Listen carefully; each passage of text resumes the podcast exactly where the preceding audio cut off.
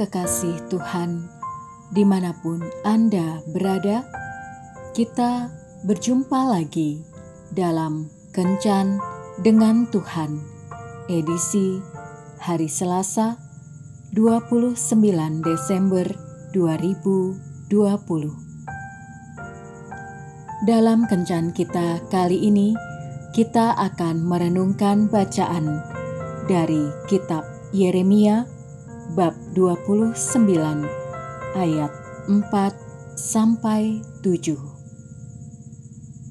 Beginilah firman Tuhan semesta alam, Allah Israel, kepada semua orang buangan yang diangkut ke dalam pembuangan dari Yerusalem ke Babel. Dirikanlah rumah untuk kamu diami buatlah kebun untuk kamu nikmati hasilnya. Ambillah istri untuk memperanakkan anak laki-laki dan perempuan.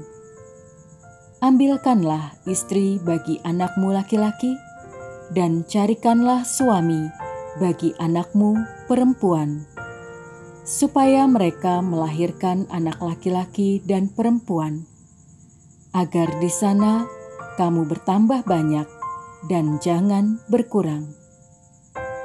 Usahakanlah kesejahteraan kota ke mana kamu aku buang, dan berdoalah untuk kota itu kepada Tuhan, sebab kesejahteraannya adalah kesejahteraanmu.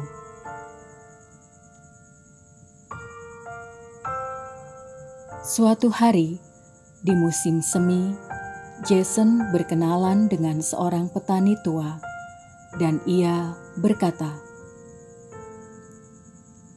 "Di musim semi biasanya sering hujan, ya, Pak.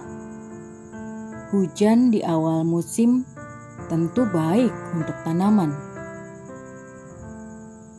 Petani yang berpengalaman itu pun menjawab, "Tidak selalu baik." Kalau cuaca terlalu memanjakan tanaman, mungkin akar tanaman akan dangkal.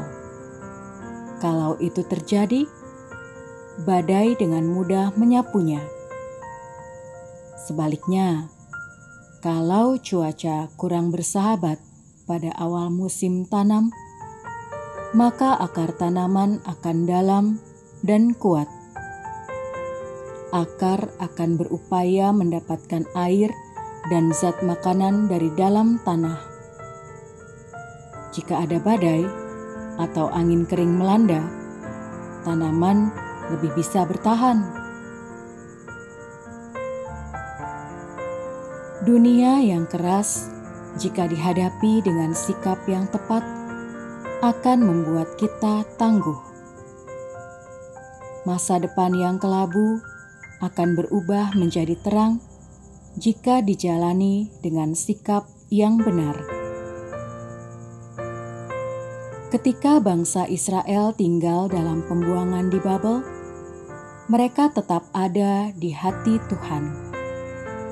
Kasih sayang Tuhan yang besar itu terbukti ketika Ia berfirman kepada Yeremia yang ada di Yerusalem untuk mengirimkan surat berisi isi hatinya kepada anak-anaknya di pembuangan. Dalam surat itu dinyatakan bahwa mereka akan tinggal 70 tahun di Babel. Untuk itu, mereka harus berusaha menjalani secara normal di sana.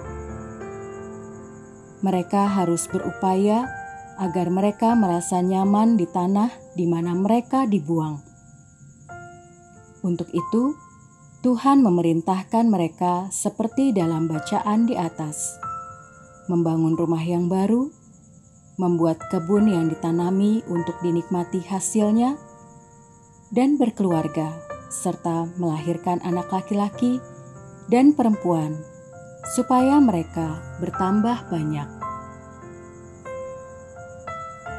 Perintah untuk mendirikan rumah membuat kebun untuk menikmati hasilnya, dan hidup berkeluarga untuk menghasilkan keturunan, mengajarkan bahwa kita harus menjadikan keluarga sebagai prioritas. Semua anggota keluarga harus memberi waktu untuk kebersamaan, sehingga setiap orang merasa nyaman di rumah. Jika setiap anggota keluarga merasa nyaman, tidak ada kisah suami yang pulang subuh, istri yang jalan ke mall setiap hari, anak yang terjerat narkoba, atau perselingkuhan yang memalukan. Bukankah ketika menikah, setiap pasangan rindu memiliki keluarga yang bahagia dan diberkati? Bersama Tuhan, bangun dan upayakanlah dengan segenap hati. Tuhan Yesus memberkati.